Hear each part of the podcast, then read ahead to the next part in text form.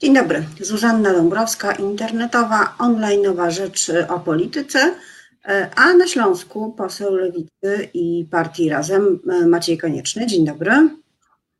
Dzień dobry, witam serdecznie. Co się dzieje? Znowu dzisiaj są informacje, że jest prawie 200 nowych zachorowań, prawie 6,5 tysiąca chorych, wirus ich zaatakował. Nie widać specjalnie postępu. Co się dzieje na Śląsku?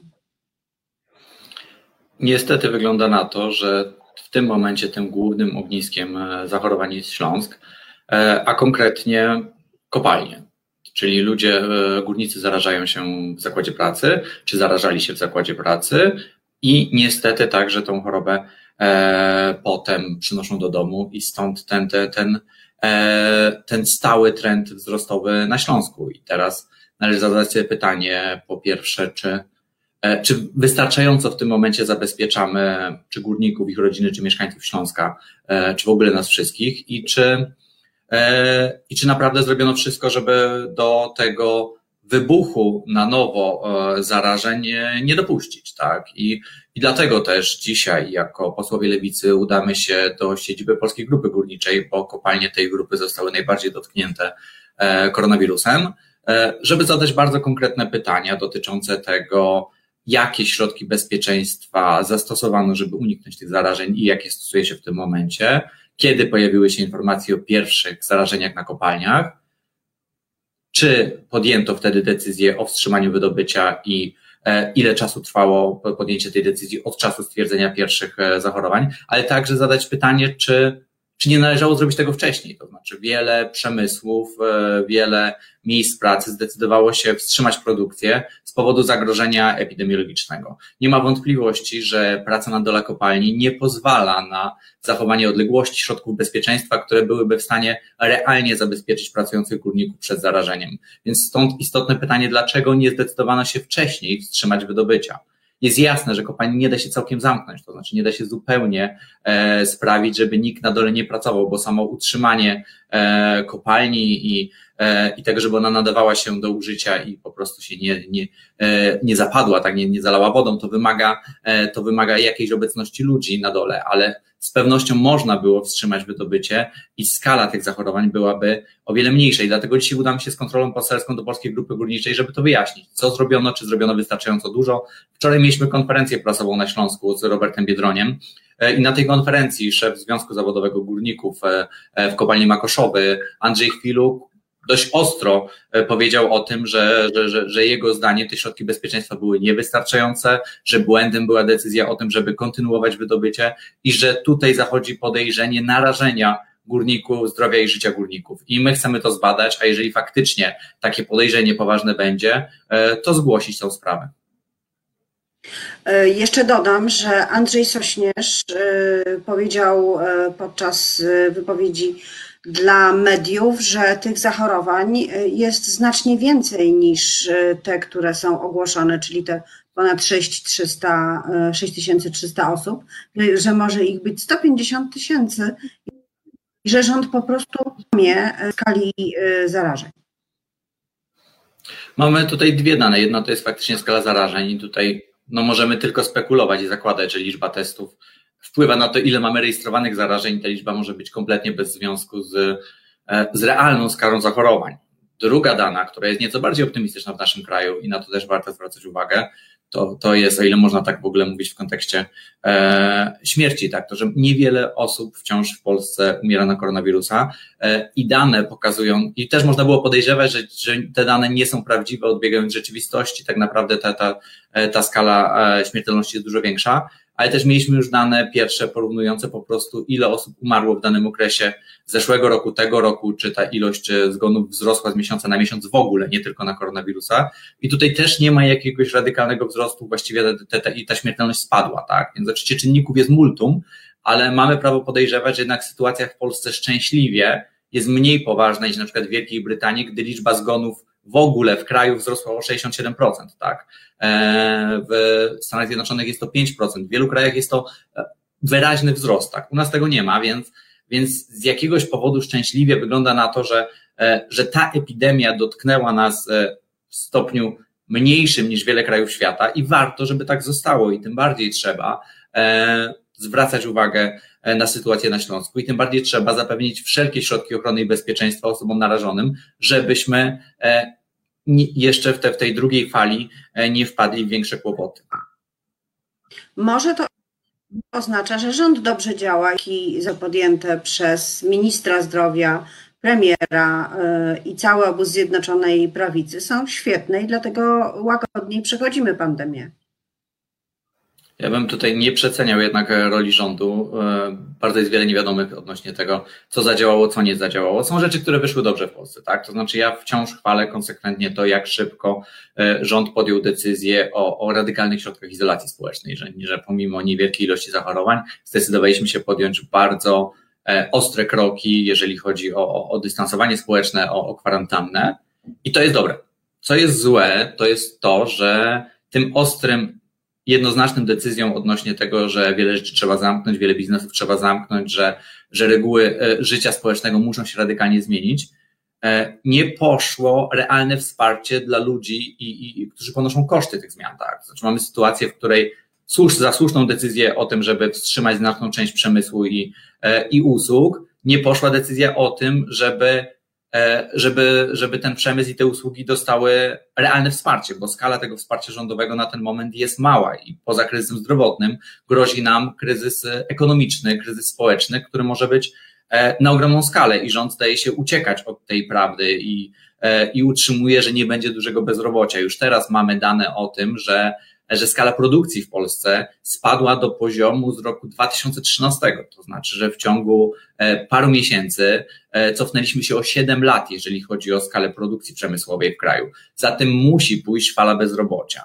E, związkowcy z branży samochodowej z Bielska alarmują, że u nich spadki sprzedaży wynoszą po 70%, tak? I jeżeli za tym nie pójdą bardzo intensywne na ogromną skalę działania rządu, to to musi zaowocować ogromną falą bezrobocia, a rząd nie robi ani jednej z dwóch rzeczy. Ani nie rzuca naprawdę ogromnej ilości pieniędzy w to, żeby te miejsca pracy ratować i to musiała być naprawdę dużo większa skala niż obecne działania. Polska powinna skorzystać z faktu, że, że mamy dość dobrą sytuację, jeżeli chodzi o możliwość zaciągania nowych długów i zaryzykuje stwierdzenie, że w pełni wykorzystać konstytucyjny limit zadłużenia po to, żeby żeby nie wpaść w głęboką wieloletnią recesję, która będzie kosztowała nas znacznie więcej i po prostu wesprzeć przemysł i, i, i usługi i wszystkich, którzy tego potrzebują.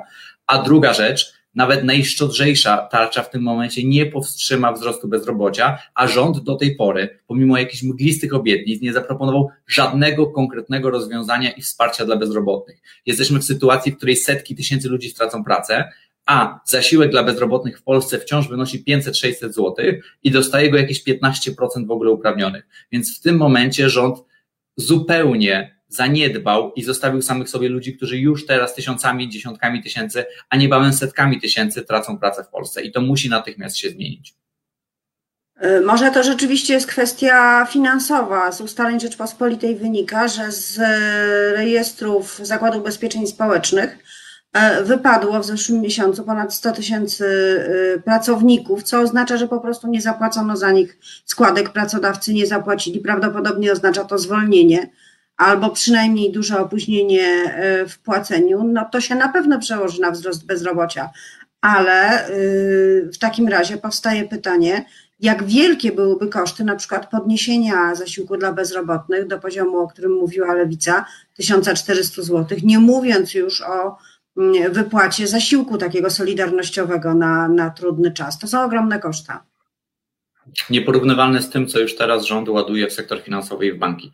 Mówimy o paru miliardach złotych, a nie kilkudziesięciu miliardach, które już teraz są pompowane do sektora bankowego. Więc teraz jeszcze mamy taką sytuację, że jak trzeba władować kilkaset czy kilkadziesiąt miliardów, żeby ratować bankierów, to, to te pieniądze się znajdują i nie ma nad tym dyskusji. A później ktoś mówi, słuchajcie, może znajdźmy te dwa miliardy, wiem, że to brzmi, są duże sumy, ale jednak nieporównywalne, na to, żeby ludzie nie przymierali głodem na bezrobociu, to nagle pojawia się multum ekspertów, którzy mówią, ale skąd, jak, że przecież nie mamy tych pieniędzy. No, coś tu mocno nie gra, tak? Dużo większe kwoty wchodzą w grę, jeżeli chodzi o ratowanie sektora finansowego, a jeżeli chodzi o ratowanie ludzi, to nagle tych pieniędzy nie ma one są. Poza tym przypominam, że wciąż e, Polska w tym momencie ma możliwość zaciągania bardzo tanich długów, tak? I to, I to jest czas na to, żeby zwiększać deficyt, bo jeżeli my go teraz nie zwiększymy, wzrośnie bezrobocie, spadną wpływy w podatków, to my będziemy mieli jeszcze większe długi, tylko w sposób niekontrolowany, bo, bo dalej będzie trzeba utrzymać szpitale, dalej będzie utrzymać e, szkoły, dalej samorządy będą musiały realizować masę zadań, a po prostu tej kasy z wpływów podatkowych nie będzie. Więc teraz jest czas na to, żeby zadbać, żeby ta gospodarka nie padła i to jest obowiązek rządu, bo inaczej zapłacimy za to wszyscy dużo, dużo więcej. I, i kolejna rzecz to jest kwestia tych, e, tych świadczeń dla ludzi, tak? Znaczy w tym momencie Lewica mówi o e, podniesieniu zasiłku do 1400, o świadczeniu kryzysowym dla wszystkich, którzy stracili pracę w związku z, e, z koronawirusem 2100 zł. I to jest ważne z jeszcze jednego powodu, to znaczy to, czy gospodarka ruszy, to, czy ci fryzjerzy otwarci faktycznie będą mu się w stanie pociągnąć, to, czy kawiarnie będą w stanie pociągnąć, to, czy usługi w ogóle będą w stanie pociągnąć, będzie zależało od tego, czy ludzie będą mieli pieniądze w kieszeni i czy będą bali się, czy nie będą się bali wydawać pieniędzy. Jeżeli radykalnie spadną dochody Polaków, jeżeli będzie bezrobocie bez wsparcia dla ludzi, to ludzie przestaną wydawać pieniądze. Jedni dlatego, że ich nie mają, drudzy ze strachu i gospodarka nie będzie miała szansy się podnieść. I to jest jeszcze jedna przerażająca rzecz, którą ten rząd robi i która jest e, kompletnie niezrozumiała i, i niewybaczalna, to jest to, że w ramach walki z kryzysem rząd szykuje się do masowych zwolnień w budżetówce. Wiemy, że już weszły przepisy ułatwiające zwolnienia w, w, sektorze publicznym, a teraz w tej nadchodzącej tarczy rakietowej wszystko wskazuje na to, zostaną one poszerzone na niemal całą budżetówkę. To znaczy, że 4 miliony osób będą narażone na zwolnienia. Będzie można zwolnić 10% z nich, czyli 400 tysięcy. I teraz ja nie wiem, czym się kieruje rząd, e, chcąc podejmować tak absurdalne i szkodliwe decyzje. Jeżeli setki tysięcy ludzi stracą pracę w budżetówce, to oni przestaną wydawać pieniądze i ludzie także w sektorze prywatnym stracą pracę i to bezrobocie się tylko nakręci. Spirala recesji się tylko nakręci. Obowiązkiem rządu w tym momencie jest, żeby zadbać o stabilne, dobrze płatne zatrudnienie w budżetówce, bo tylko to może stanowić jakiś stabilizator i taki element pewności w tym, e, w tym kryzysie. Jeżeli rząd chce zwalniać w budżetówce, no to to jest jakieś kompletne szaleństwo. E, mówił Pan o tym, że nie wiadomo, czy te e, niewielkie firmy dadzą radę, czy uciągną gospodarkę, a ja bym się chciała zapytać, czy da radę Robert Biedroń. Ostatnie sondaże pokazują, że ma bardzo niskie poparcie, między 2 a 5%. Zorganizowana była konferencja, reset, nowy start. E, już się go czuje? Czy to w ogóle jest realne, żeby podnieść kandydata z takich wskazań sondażowych? Ja ten reset czuję oczywiście, ale ja też od dwóch dni z, e, jestem z Robertem Biedroniem, byłem z nim na tej konferencji warszawskiej, byłem z nim na Śląsku. E, i powiem skąd ja czerpię nadzieję, że że, że, że możemy doczekać kolejnego zwrotu akcji w tej kampanii, bo to już każdy miał po kilkanaście procent, każdy spadał, rósł i mam wrażenie, że jeszcze ostatnich zwrotów akcji nie widzieliśmy. E, Robert Biedoń wraca do tego, co umie najlepiej, to znaczy do rozmowy z ludźmi. E, rusza w trasę w Polskę i, i wracamy do takiej normalnej kampanii, bo ja mam wrażenie, to dlaczego faktycznie te wyniki w tym momencie nie, nie, nie są szczególnie szałowe dla Roberta, to dlatego, że, że trochę grał nie na swoim polu, że, że ta możliwość bezpośredniego kontaktu z ludźmi, rozmowy, e, takiej prowadzenia kampanii w terenie była bardzo, bardzo ograniczona. E, I teraz do tego wracamy. Wracamy do tego Roberta, chłopaka z ulicy Kolejowej w Krośnie, który, e, który umie rozmawiać z ludźmi, lepiej rozumie ludzi niż kandydaci wychowani w, e, czy, czy, którzy wyrośli w dworkach, czy pałacach, czy, czy jakichś salonach warszawskich i, i to mam wrażenie daje nową energię. Jest e, nowa szefowa sztabu e, Agnieszka Dziemianowicz-Bąk, która razem z Tomaszem Trelą będzie, będzie tą kampanię ciągnęła i tą nową energię czuć.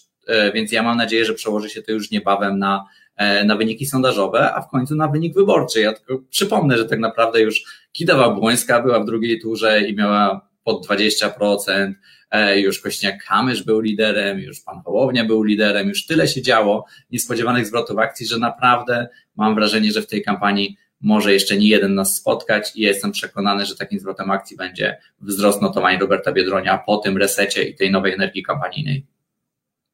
A czy nie jest tak, że Rafał Trzaskowski, który jest y, bardziej powiedzmy liberalnym kandydatem niż była Małgorzata Kidawa-Błońska, bardziej kojarzy się przynajmniej z tą E, z tym liberalizmem światopoglądowym e, po prostu zjada elektorat e, Roberta Biedronia, który w części jest lewicowy, a w części jest właśnie taki postępowo liberalny.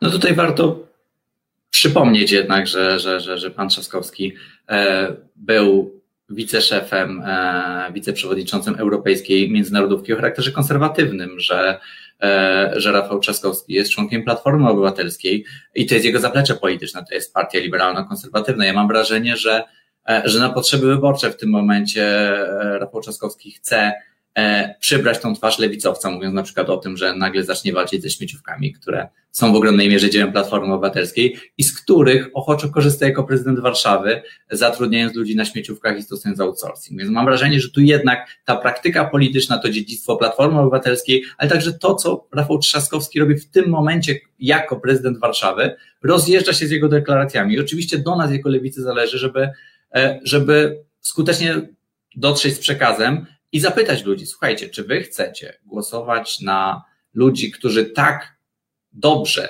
tak z taką determinacją i z takim przekonaniem walczyli z śmieciówkami, że nawet Rafał Trzaskowski ci musi udawać, że mu się to nie podoba? Czy chcecie głosować na typa, który udaje, a jednocześnie zatrudnia na śmieciówki w ratuszu, tak? Kto waszym zdaniem e, lepiej e, zajmie się realizacją E, realnych problemów e, ludzi i realnie zawalczy o to, żeby tych śmieciówek nie było. I to samo myślę dotyczy kwestii chociażby praw kobiet, to znaczy no nie doczekamy się jednoznacznej deklaracji Platformy Obywatelskiej, że poprze oczekiwaną przez Polki i Polaków liberalizację prawa aborcyjnego. Nie doczekamy się od Platformy Obywatelskiej deklaracji, że będzie za równością małżeńską, bo mamy taką dziwną sytuację, w której połowa albo większość Polaków chce złagodzenia e, ustawy aborcyjnej. E, połowa Polaków chce, żeby ludzie mogli żyć ze sobą niezależnie od tego, e, od tego i kochać kogo, kogo kochają tak naprawdę, jakiej płci jest ta osoba a tylko jeden na dziesięciu kandydatów reprezentuje taką opinię, tak? To znaczy, że e, i stronnictw politycznych. Mamy dużo bardziej konserwatywne elity polityczne i społeczeństwo i dlatego jest tak bardzo ważne, żeby Robert Biedroń był w tej kampanii, żeby reprezentował ideały lewicowe i żeby zdobył jak najlepszy wynik. Bardzo dziękuję za tę arytmetykę światopoglądową. E, porcję porannej polityki mamy za sobą. Moim gościem był poseł Lewicy Maciej Konieczny. Dziękuję bardzo. Dziękuję również.